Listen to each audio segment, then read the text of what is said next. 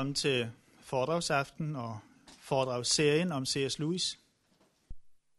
Der stod seks aftener. Forskellige foredragsholdere, men de første tre aftener her, øh, ifølge programmet, er ved i etik og religionsfilosofi, Kurt Christensen. Det er sådan, at vi de sidste par års tid har kørt med flere og flere aftenforedrag, forskellige serier, stor variation, kan man sige, temamæssigt.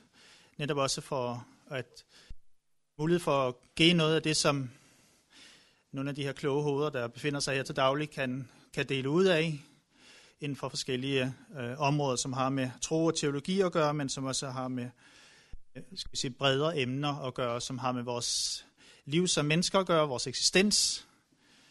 Øh, og øh, det er også tilfældet her i her efterårssemester. Efterårssemestret her er ganske nyt. Vi begyndte dog med undervisning for en uge siden, startede sidste mandag, og øh, vi har lige afsluttet et sponsorløb for studerende, der ikke får SU.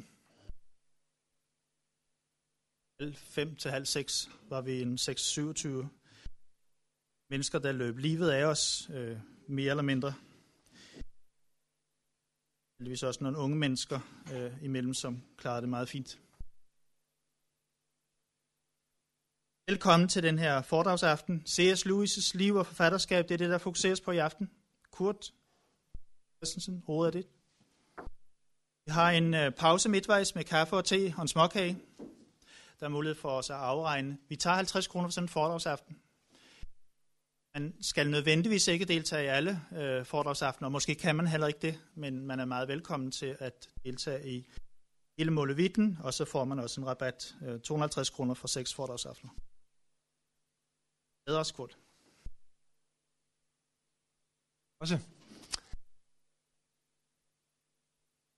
Lav sådan en lille øh, oversigt over, hvad der skal foregå, så den bliver delt ud nu.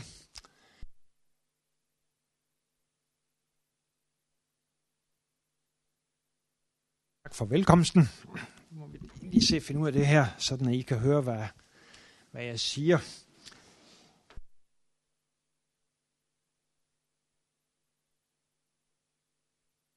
Okay. Yes, det er godt.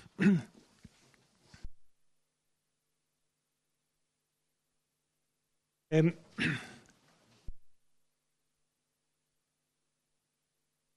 Indsigten med den her aften er at uh, give en uh, ramme uh, til uh, de følgende afteners foredrag. Så fortæl lidt om, hvem C.S. Lewis var, hans forfatterskab, hans liv, uden at komme dybt ind i nogle af tingene. Men alligevel øh, for at give en, øh, en, en slags overblik øh, over, hvem han var og hvad han gjorde. Nogle af jer har formentlig et vældig grundigt kendskab til C.S. Lewis, og så kan jeg sikkert ikke fortælle jer vældig meget nyt. Nogle af jer har måske også hørt mig holde foredrag. Det har jeg gjort i 15 år om C.S. Lewis. Uh, det er ikke øh, det er ikke, det er ikke en gentagelse af tidligere foredrag, men der, der vil være elementer, som I, I uh, sikkert kan ikke genkende til, hvis I har hørt mig holde foredrag før. Uh, kan jeg kun håbe på, at jeres hukommelse er lige så dårlig som min, fordi så vil det hele være nyt for jer jo.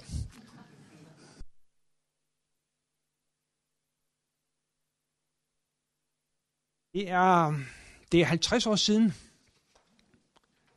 næsten, at C.S. Lewis han døde. Det var den 22. november 1963.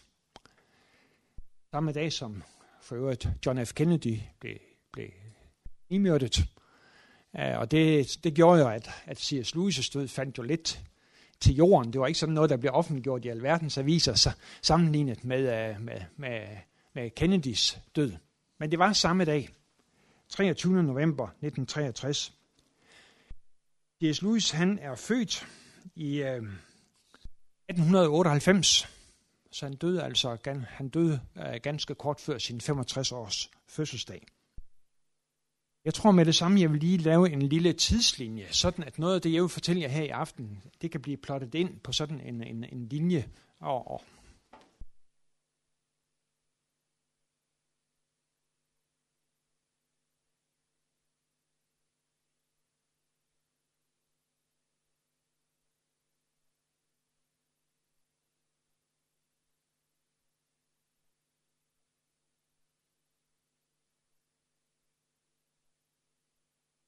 lidt op og ned med hans liv, må man jo sige. Ja. Yes. Um, det første, vi vil se på, det, det er spørgsmålet, hvem var C.S. Lewis, og hvad er han kendt for? Jeg kommer rigtig i gang, så vil jeg spørge, om jeg kan låne et, et lommeur, for det er der ingen ur herinde, og jeg har kun sådan en mobiltelefon, og det forsvinder igen, når jeg tager den frem.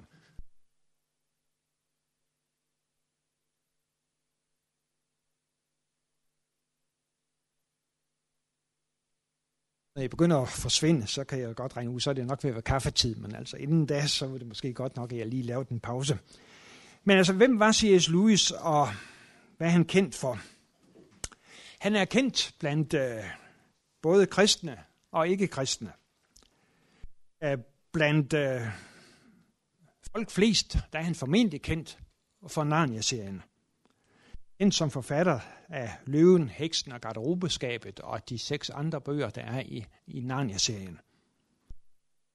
Øhm, hos nogle vil C.S. Lewis være kendt fra filmen Shadowlands fra 1993 af Richard Attenborough og med Debra Winger og Anthony Hopkins i hovedrollerne. Øh, en film, som skildrer de sidste år af Louis' liv, øh, eller i hvert fald en, en, en periode fra omkring øh, 1952 til 1960, hvor Louis han mødte den amerikanske forfatter øh, Joy Davidsman Gresham, øh, og hans ægteskab med hende og ja, hans to ægteskaber faktisk, øh, øh, og hendes øh, sygdom og død, og Louis' troskrise derefter. Det er en, en meget rørende øh, fortælling, og den vil vi komme lidt ind på her i, i, i, i dag. Øh, men ellers vil den være et af hovedingredienserne til det, jeg vil sige øh, noget om på næste mandag, nemlig øh, lidelsens problem i teori og praksis. Er det praksisdelen, der udgøres øh, ikke mindst af historien, øh, af beretningen om, om Joyce øh, lidelse og død. Hos mange kristne vil Louis så også være kendt for sit kristendomsforsvar, sin apologetik. Og jeg vil altså her i aften komme lidt ind på alle tre elementer. Både af Narnia, af Shadowlands og synet på lidelse, og hans kristendomsforsvar. Man kunne godt spørge sig, hvad, hvorfor, hvorfor i det hele taget beskæftige sig med Louis? Er der ikke tale om ren nostalgi? Hans øh, tilværelse og hans, den kultur, øh, den, øh, det, den virkelighed, han levede i, er ganske forskellig fra vores. Øh, hvor mange når man beskæftiger sig med Louis stadigvæk. Og vi må jo se i øjnene, at selvom det er altså 50 år, næsten siden han døde, så er interessen for ham næsten usvækket. Jeg siger næsten, så er det fordi, jeg har ikke helt fornemmelse af, hvordan det er lige præcis nu her inden for de sidste fem år. Men øh, øh, han har i overvis for eksempel solgt omkring 2 millioner øh, om året af, af, af sine bøger øh, øh, rundt om i verden. Og, og det har været øh, stødt og konstant øh, de, de sidste mange år. Øh, så, øh, men hvorfor beskæftige sig med, med Louis stadigvæk? Mange har det givetvis været ønsket om at stifte nærmere bekendtskab med forfatteren øh, til Narnia-bøgerne. Hvem var den mand, der kunne skrive så fascinerende for børn, og på en måde for os alle sammen? For enkelt har det måske været den kendskærning, at Louis han var en nær ven med forfatteren til Ringenes Herre, Tolkien. Og så kommer Hobbiten i storfilm her til december. Uh, altså den, der egentlig var forgængeren, forløberen for Ringenes Herre, rent øh, udgivelsesmæssigt. Uh, men nu kommer den som film her øh, til december. Uh, læste i den norske avis Aftenposten her i weekenden, at det var den dyreste film, der nogensinde var produceret. Uh, så den bliver nok flot. Men altså, for nogen, der kan det være ønsket om at stifte bekendtskab med det miljø, den venskabskreds, øh, den kultur, som Tolkien han var en del af. Tolkien han var i øvrigt meget kritisk til Louis' Narnia-bøger. at de var for urealistiske, og de var alt for overfladiske, mente Tolkien. Uh, også Louis' ægteskab med Joy Davidsman faldt overhovedet ikke i Tolkiens uh, smag, men det skal vi vende tilbage til. Min personlige tilgang til C.S. Lewis har været hans apologetiske forfatterskab, altså hans forfatterskab, hvor han forsvarer, forsøger at forsvare den kristne tro rent intellektuelt. Og mit spørgsmål har været, om Louis' tænkning også i en vis udstrækning er, banker, er gangbar mønt i vores tid. Når det er skrevet i en anden kultur, i en anden historisk situation, kan vi så stadigvæk bruge det her og nu i en senmoderne tid.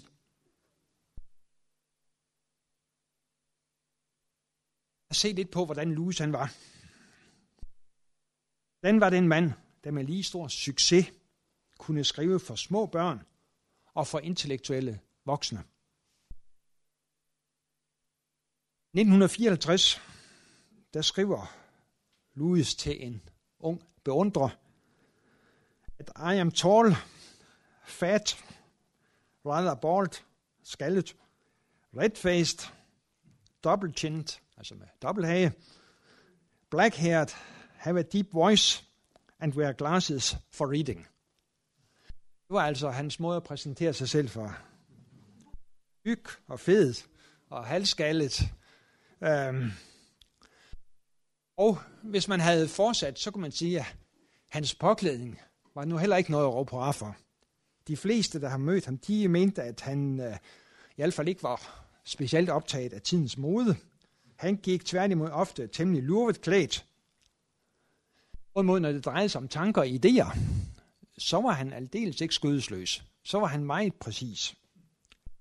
Er nogen, der, der siger, at øh, jeg læste et eller andet sted, øh, at øh, da vedkommende mødte Louis, så forestillede vedkommende sig, at øh, han mødte en engelsk gentleman. Og så viste det sig, at det var en, ikke en gentleman, men en landmand. Uh, sådan, så, sådan så Louis ud. Uh,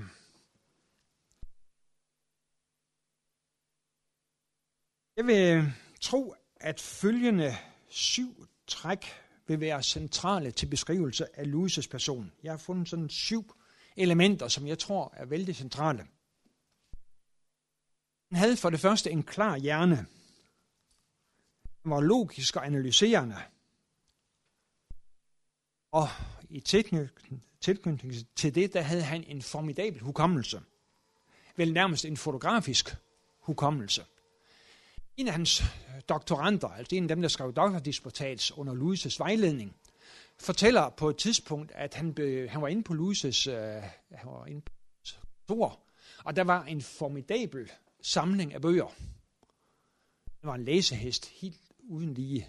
Jeg mener jo egentlig, at jeg selv har læst en hel del, men når jeg begynder at sammenligne med det, Louis han har læst, så, så, så var han altså belæst. Det kan man roligt sige. Men ham her, doktoranden, han øh, blev bedt om at gå hen til Louis' øh, overjoler, og så finde en tilfældig bog. Og det gjorde han så, fandt en bog et eller andet sted. Og så skulle han finde, slå op et tilfældigt sted og læse tre-fire linjer. Og det gjorde han så. Og så fortsatte Louis med at referere, hvad der stod på resten af siden. Øh, så øh, med den slags hukommelse, der kan man jo klare lidt hvert. Han havde en klar hjerne og en formentlig fotografisk hukommelse. Uh, så er han en livlig fantasi. Lige fra hans tidligste barndom, uh, der skabte han sin egen fantasiverden, sit eget univers, befolket med påklædte dyr og ridder i rustning og alt muligt. Uh, og det forlod ham sådan set aldrig, den her. Han levede på en eller anden måde et, et, et mindst et dobbeltliv. liv. Uh, og et af de her to liv, det var altså en, et, et fantasiliv. Det gjorde så også, at han havde evner til at, at selv at, at, at skrive uh, sine bøger, uh, Narnia-bøgerne og uh, science fiction-bøger og andet.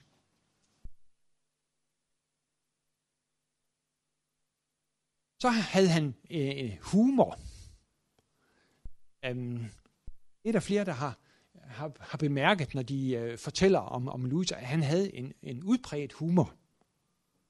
Så var han original.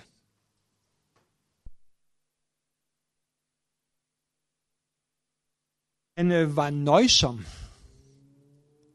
generøs. Det begyndte med, der, måtte han, der, var han, der var det nødvendigt, at han var nøjsom, fordi han havde ikke mange penge. Og, og han brugte dem. Han drak da en øl en gang imellem, når han var sammen med sine venner på, på, på en kendte pop. Uh, men uh, uh, det var ikke en... Uh, han, han var nøjsom. Senere, da han kom til penge, og det gjorde han altså, da hans bøger blev opdaget i USA, altså fra omkring 1950, 45-50, der begyndte hans bøger at sælge i stor stil i USA. Og i dag er Louis mere kendt og mere elsket og agtet i USA, end han er i England. Det er betegnende, at hans, hans hjem, The Killens, i udkanten af Oxford, det er ejet af den amerikanske C.S. Lewis stiftelse. Og det er en amerikaner, det var der i hvert fald, da jeg besøgte det. Det er en amerikaner, som er, er, er, er, er chef uh, der. Så, men da Lewis han altså fik solgt, begyndte at blive kendt i USA, så kom han til penge, fordi så fik han honorar i stor stil. Men det delte han så også ud i stor stil. Han beholdt ikke at nogen af dem til sig selv. Det var i hvert fald meget lidt. Men det lå i en sådan grad, at han meget hurtigt fik, øh, øh, fik gæld til skattevæsenet. Fordi det var ikke gået op for ham, at med alle de der indtægter, så fulgte der også øh, skat med. Så han måtte øh, virkelig øh, lægge bånd på sig selv i nogle år, for at komme af med den her skattegæld. Det er næsten ligesom Johannes Møllehave. Uh, han giver jo også glad og gerne ud til hvem som helst, sådan at han på et tidspunkt må rejse til England for at komme, komme rent finansielt til sig selv igen. Um, så Louis han var altså, Louis han var generøs, og han var nøjsom. Et element, et sjette element, tror jeg det må være i vores opregning, det er hans evne til at blive fascineret og opslugt af et specielt emne i ugevis. For eksempel blev han på et tidligt tidspunkt opslugt af den tyske øh, komponist Richard Wagner. Så ophørte alt andet med at eksistere til synligheden i, i afskillige uger. Han læste alt, hvad han kunne komme afsted med, og lyttede til alt Wagners musik, som han overhovedet kom afsted med. Det var faktisk i en alder af 15 år. Det er jo helt mærkværdigt.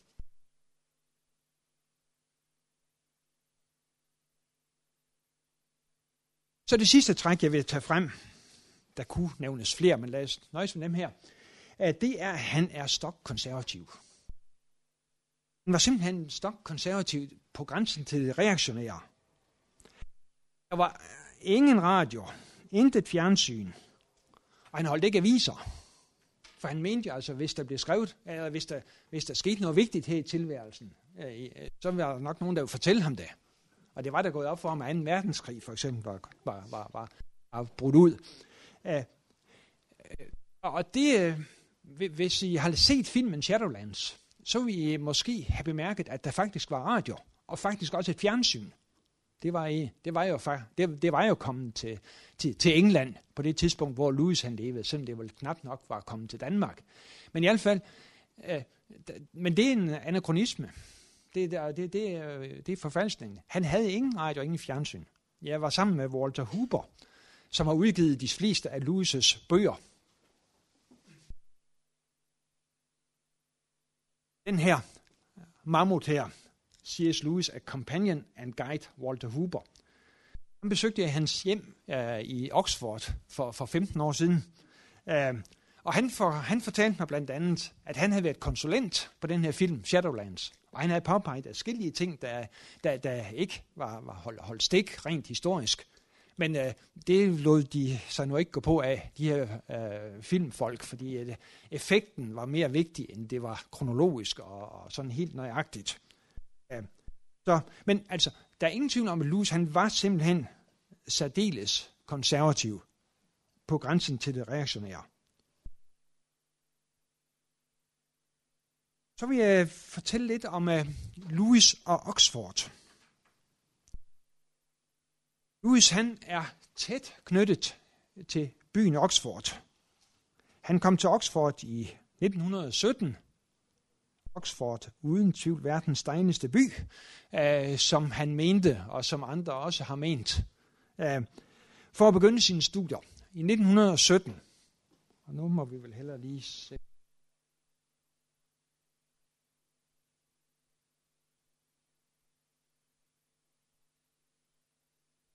Så han kom til Oxford i 1917, og på en måde så forlod han aldrig Oxford igen. Øhm, han var ganske vist øh, ved fronten i, øh, i, i Frankrig, på Vestfronten, øh, fra slutningen af 1917 til øh, hen i 1918, hvor han blev såret og kom på hospital. Han fik tre granatsplinter. De kom ganske vist fra en engelsk granat. Det var lidt uheldigt. Men øh, øh sådan, sådan var det. Øh, og, og han, øh, bortset fra det, det den tur til, øh, til, til Frankrig under 1. verdenskrig, og da han blev gift med Joy, hvor han var i Grækenland en enkelt gang øh, på en længere tur, så forlod han aldrig de britiske øer. Og han for, forlod heller ikke Oxford, egentlig hvis han kunne blive fri for det. Selv da han blev professor i Cambridge, og det blev han i 1954-55,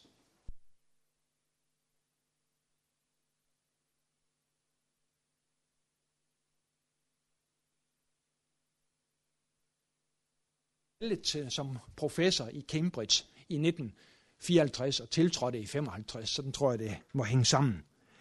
Men bortset fra det, så, og selv da han blev der, så, så beholdt han sit hus, og hver weekend, så tog han tilbage til Oxford. Så altså, han hører hjemme i Oxford, det er der ingen tvivl om. Um, han elskede bogbutikkerne, han elskede Bodleian Library, han elskede popperne, og han elskede vennerne. Og mest kendt er de ugentlige møder i øh, øh, den samling af venner, som blev kaldt The Inklings. Og det begyndte omkring 1933 på Louis' studierum, og fortsatte så fra omkring 1940 øh, på en pub, der hedder Eagle and Child.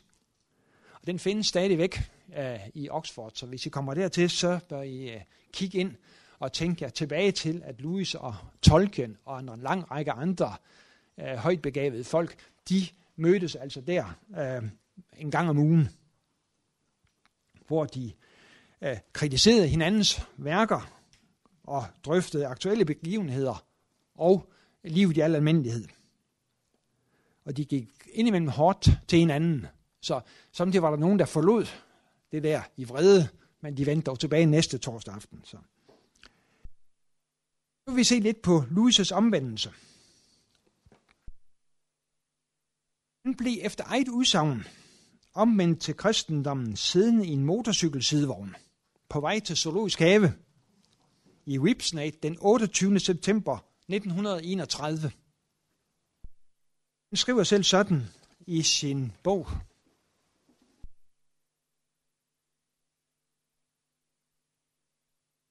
Overvældet af glæde, som er en af hans to selvbiografier.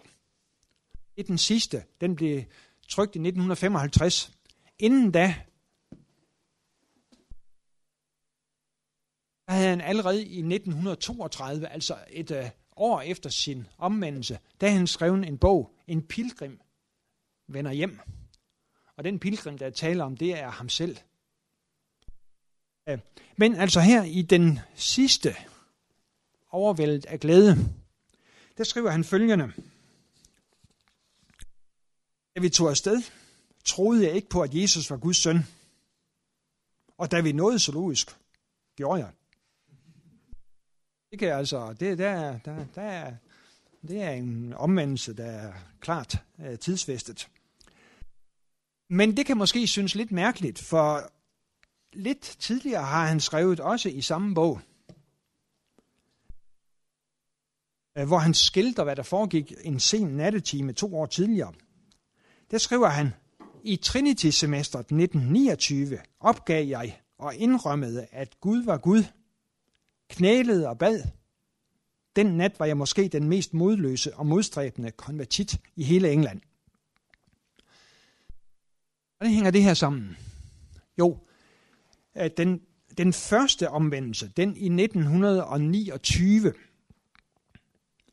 det er en omvendelse til teisme altså til troen på, at der findes en Gud, en personlig Gud. Altså omvendelsen fra ateisme eller panteisme, eller hvad man kan forestille sig, til teisme, troen på en personlig Gud. Øh, uh, motorcykelomvendelsen er derimod en omvendelse til Jesus Kristus, til kristendommen. Så der er altså tale om en omvendelse i to trin. Først en omvendelse til teisme, og derefter en mere uh, indholdsbestemt til, uh, til kristendommen, til Jesus Kristus.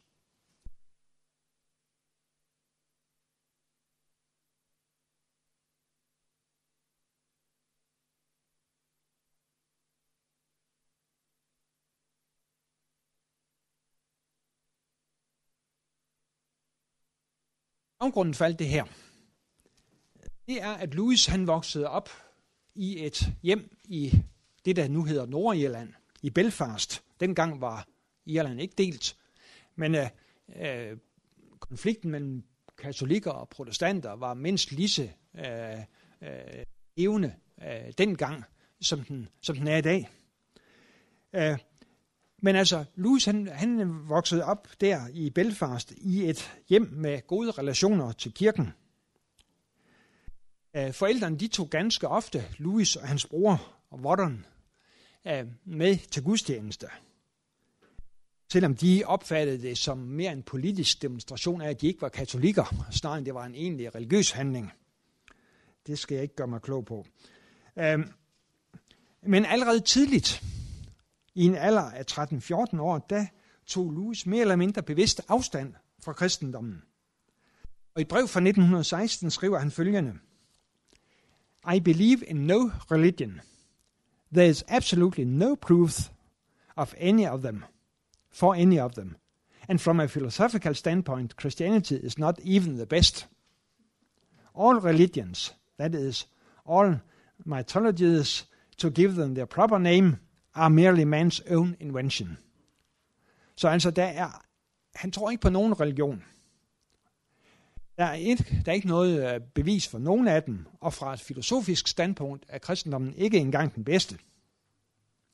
Alle religioner, det vil sige alle mytologier, for at give dem deres rette navn, er blot menneskets egen opfindelse. Det er sådan, at når han siger det her, så er det egentlig en refleks af øh, den tyske filosof Ludwig Feuerbachs øh, forestilling om, at det ikke er Gud, der har skabt mennesket, men mennesket, der har skabt Gud. Og det er sådan set det, han giver udtryk for. Alle, alle religioner er egentlig menneskets opfindelse. Men som voksen, så oplevede Louis sig efterhånden omringet af kristne. Det siger han øh, et sted. Han følte sig omringet af kristne. Øh, for alle de forfattere, han holdt mest af, de viste sig ved nærmere eftertanke at være kristne. De kolleger, som var øh, de absolut øh, toneangivende, dem han befandt sig bedst sammen med øh, i øh, Oxford, de viste sig også at være kristne. Så til slut så siger han, han føler sig omringet af kristne og forfulgt af Gud. Gud han var jægeren. Jeg var byttet, siger han et sted. Og vi kan så konkludere eller konstatere, at jægeren fandt og traf sit bytte i den her motorcykelsidevogn i september måned 1931. Nogle måneder senere, så tog, det var juledagen 1931, der tog Louis konsekvensen og gik til nadver i sin lokale sovnekirke for første gang siden barneårene. Og der kom han så for øvrigt jævnligt og er også begravet der.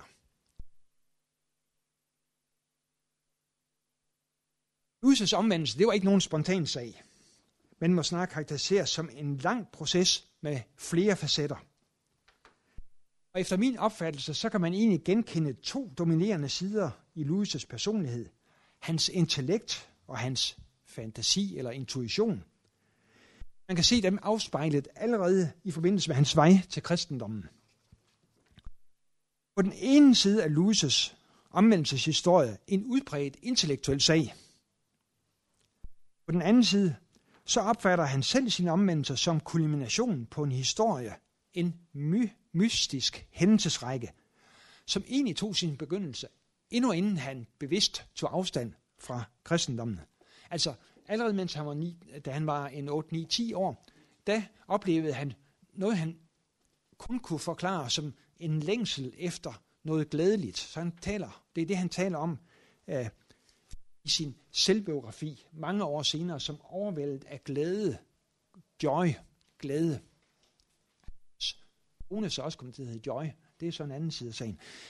Men øh, overvældet af glæde, det var den øh, det var en længsel efter noget glædeligt, som lige ramte ham nogle gange, eller ramte ham mange gange igennem livet, og som han ikke kunne forklare, før han blev kristen. Og så forklarer han det bagefter, at det, det egentlig drejede sig om, det var længslen efter Gud. Og at Gud han altså havde ramt ham på forskellige vis igennem hele hans liv, eller forskellige perioder og forskellige tidspunkter af hans liv. Altså, i kulminationen på den her my- mystiske hændelsesrække, som tog sin begyndelse endnu inden han bevidst tog afstand fra kristendommen, og som han senere giver det her stikord glæde. En af hans selvbiografier, en pilgrim vender hjem, den skildrer øh, både den mystiske og den intellektuelle komponent ved Louises omvendelse. Øh, på den ene side er det længslen efter den smukke ø. Det er, sådan en, øh, det, det er noget, som er kendetegnende i den her bog. Det er, at han taler hele tiden om en smuk ø, som han har en sådan langt ude, og som han længes efter. Den her længsel efter den smukke ø, det er altså det samme, som han beskriver i den her bog. Stikordet joy. Altså noget, han, han arbejder frem imod, og som han indimellem ser en vision af. På den anden side, så skildrer bogen også en række filosofiske og religiøse tankestrømninger, som Louis han var indenom, fra han, altså om 15-16 år eller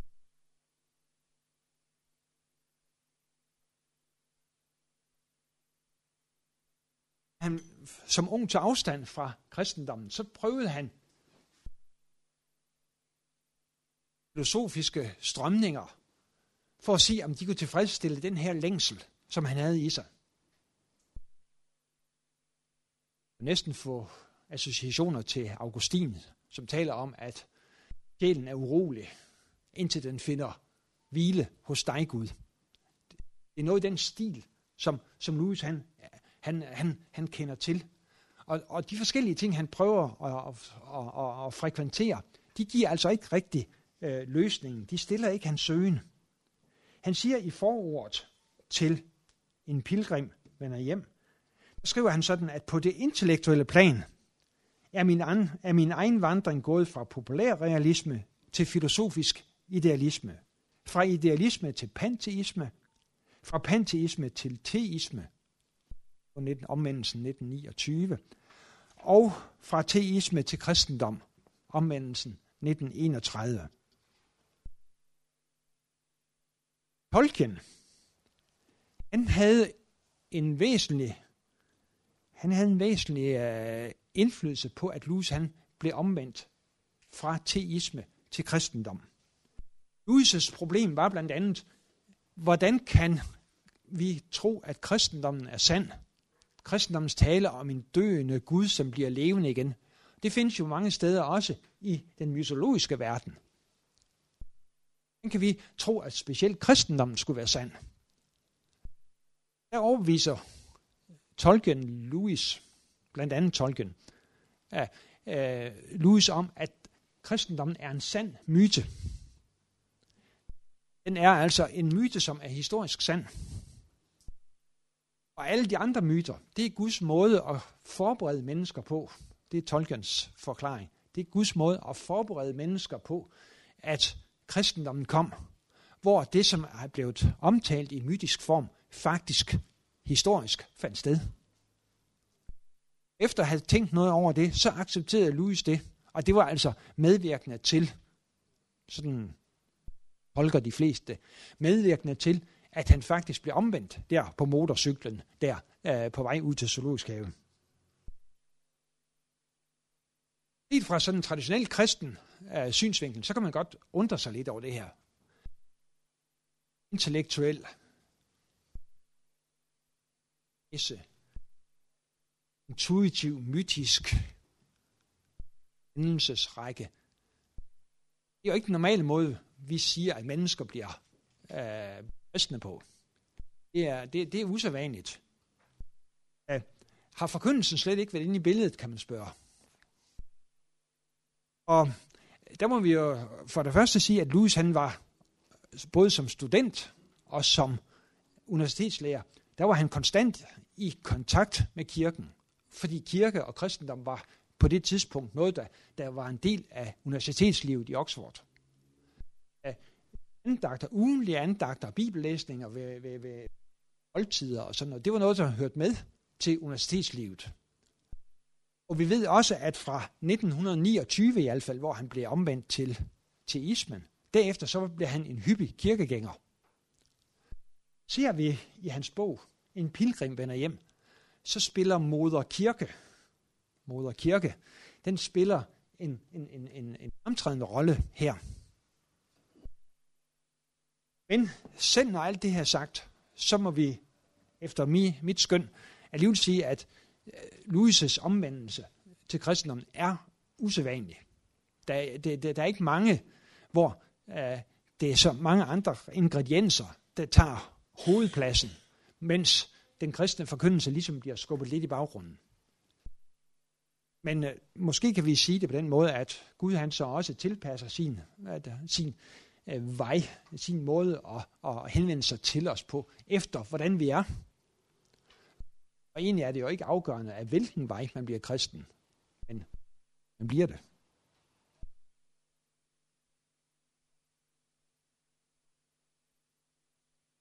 Jeg har sidste par dage jeg læst Jack C.S. Lewis' liv læst læste for mange år siden, men du tænkte, nu skulle jeg lige have en hurtig opfrisker. Øh, og der øh, der får man det indtryk ved at, at læse den, og det der bliver refereret til her, at Louis' afstandtagen fra kristendommen måske ikke var så kategorisk, som han selv giver udtryk for, i det mindste, i overvældet af glæde. Læser man den her bog, så får man det indtryk, at Louis han var totalt, helt og aldeles ateist af, i, i store dele af tiden fra 1914 til 1929. Men en række af de digte, som han har skrevet, og en række af de breve, hvor han, som han har skrevet, og som øh, øh, her har øh, læst, er udtryk for, at han i det mindste var søgende hele tiden. Og næsten hele tiden. Gentagende gange, så kan man se, at der er kristne, der, kristne ingredienser og en søgen efter kristendommen øh, øh, øh i breve og i øh, digte, som han har skrevet. Flere af de elementer, som Louis han øh, giver udtryk for og bruger i forbindelse med sin vej til kristendom, altså det intuitive, fantasien og det intellektuelle, det viser sig senere at blive grundkomponenter også i hans kristendomsforståelse og i hans apologetik, hans forsvar for kristendommen. Her kan man jo for eksempel pege på, at fantasi og intuition, det er hovedingredienser, i hvert fald fantasi, i hans Narnia-bøger. Og øh, når vi tager hans direkte apologetiske forfatterskab, så er det det intellektuelle, øh, logikken, der er hovedkomponent der. Så hvis vi siger, at hans omvendelse til kristendommen er præget af de her to grundting, fantasi, intuition på den ene side og intellekt på den anden side, så er det altså ting, vi kan genfinde i hans kristendomsforståelse senere, og også ting, som han bruger helt øh, tydeligt i sin øh, apologetik.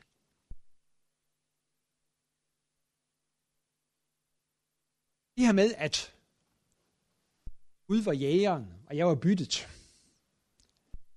det gør jo for eksempel, at han tager afstand efter her fra Feuerbachs tese om, at det skulle være vi mennesker, der har skabt Gud i vores billede sådan som Louis han opfatter det, så har han absolut intet ønske om at møde en almægtig og en alvidende Gud. Så han tager med stor foragt, det er for eksempel i hans bog, det er kristendom. Er det helt tydeligt, at han har overhovedet ikke nogen øh, respekt og, og, og tiltro til den tese om, at Gud han skulle være menneskets opfindelse.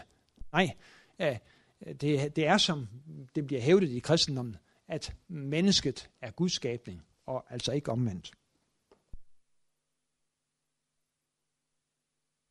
Dette med, at forvrængede tankemønstre kan stille sig hindrende i vejen for kristen tro, det var det, Louis han havde oplevet. Fra han i 1914 eller deromkring begyndte at tage afstand fra kristendommen, så oplevede han, at de ting, som vi læser, og de teorier, som vi møder af intellektuel og religiøs art, forskellige fra kristendommen, at de kan stille sig hindrende i vejen for kristen tro. Nu brugte han altså, efter han selv var blevet bevidst kristen, så brugte han hele sin flid på at rive de her ting til side, sådan at andre lettere end han selv kunne komme til tro.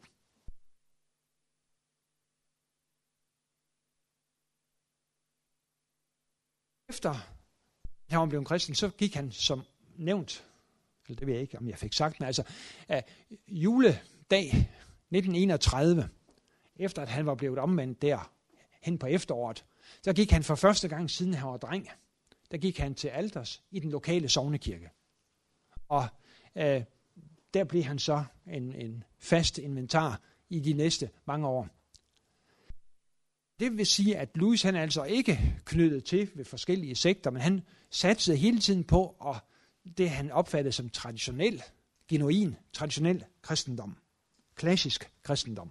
Og det er også det, han giver udtryk for i indledningen til bogen, det er kristendom, hvor han har sendt den her til forskellige øh, sider af det engelske kirkeliv til baptisterne. De synes, der er for lidt om, om, om dåb, og katolikkerne de synes, der er for lidt om sakramenter, og, og pinsefolkene synes, der er for lidt om helligånden. Og han konkluderer, at det er nok sådan, at han alt i alt har ramt det centrale i kristendommen. Og det er der, han selv vil stå. Han ønsker ikke at repræsentere en speciel kristendom, men det der klassisk, genuin, traditionel kristendom.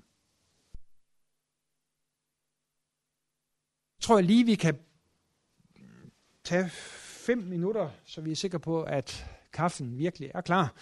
Øh, tag fem minutter om træk af Louis' liv. Han blev altså født i 1898 og døde i 1963. Han blev som nævnt født i et protestantisk hjem i Belfast. Her spillede læsning af bøger en stor rolle. Og ifølge overvældet af glæde, så var der simpelthen bøger overalt. Hans far og mor, de øh, købte alle de bøger, de kunne komme afsted med, og de læste et par timer hver eneste aften, plus i weekenderne. Så de, de, de læste, øh, og de skældte sig aldrig af med bøgerne igen, når de først havde købt dem. Så der var bøger simpelthen overalt. Og den her passion for bøger, den, den, blev, øh, den, øh, den blev overført ikke mindst til Louis og i en vis grad også til hans bror Vodden. Ja, altså når man holder sig til overvældet af glæde, så må vi så sige, at når man læser bogen her, så får man ikke det indtryk, at Louis' barndom var overvældet af glæde.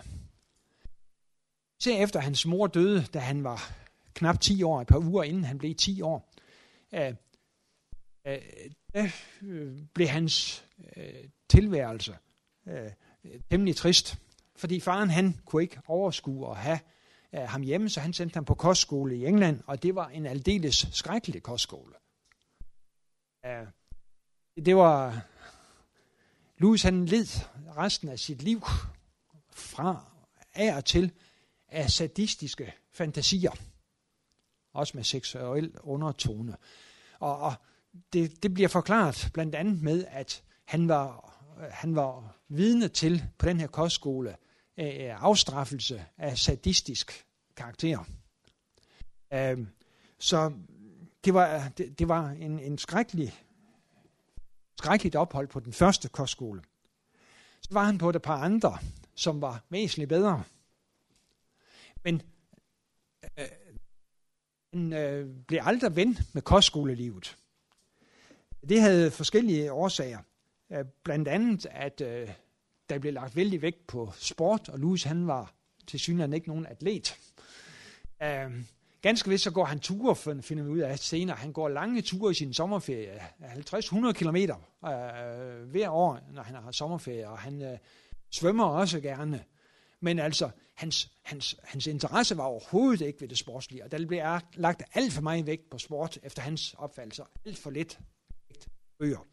Så han blev aldrig rigtig glad for at gå på kostskole.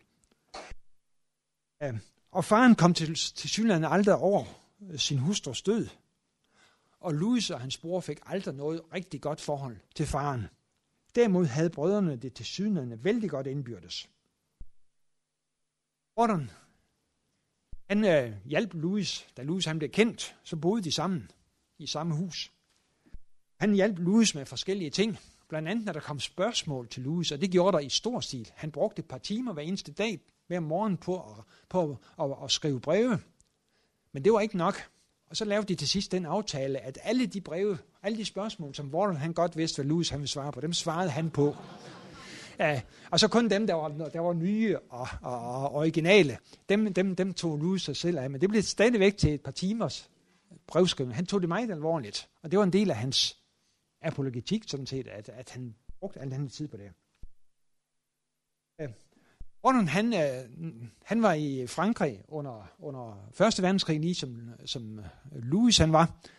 Ja, men så kom han heller aldrig tilbage til Frankrig. Men han skrev ikke desto mindre lærte bøger om Frankrig på Louis den, Louis den 16. tid, uden nogensinde at være i Versailles.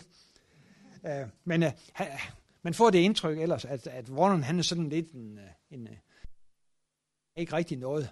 Øh, det hænger sådan blandt andet sammen med, at han var, blev alkoholiker. Han var sådan en periodedranker. Med 14. stad noget den tid, der var han simpelthen ukampdygtig. Øh, han overlevede Louis og har skrevet en række, øh, en række papers, Louis Papers, som sætter Louis' egen skriverier i relief. Og sådan som jeg har forstået ved at læse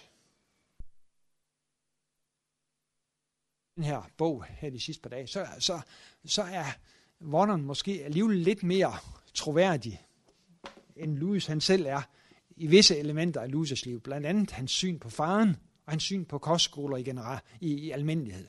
Der, der, er, der, der får man et andet billede, og, og, og nogle af de breve og nogle af de uh, ting, der bliver citeret. Man får et, et mere nuanceret billede.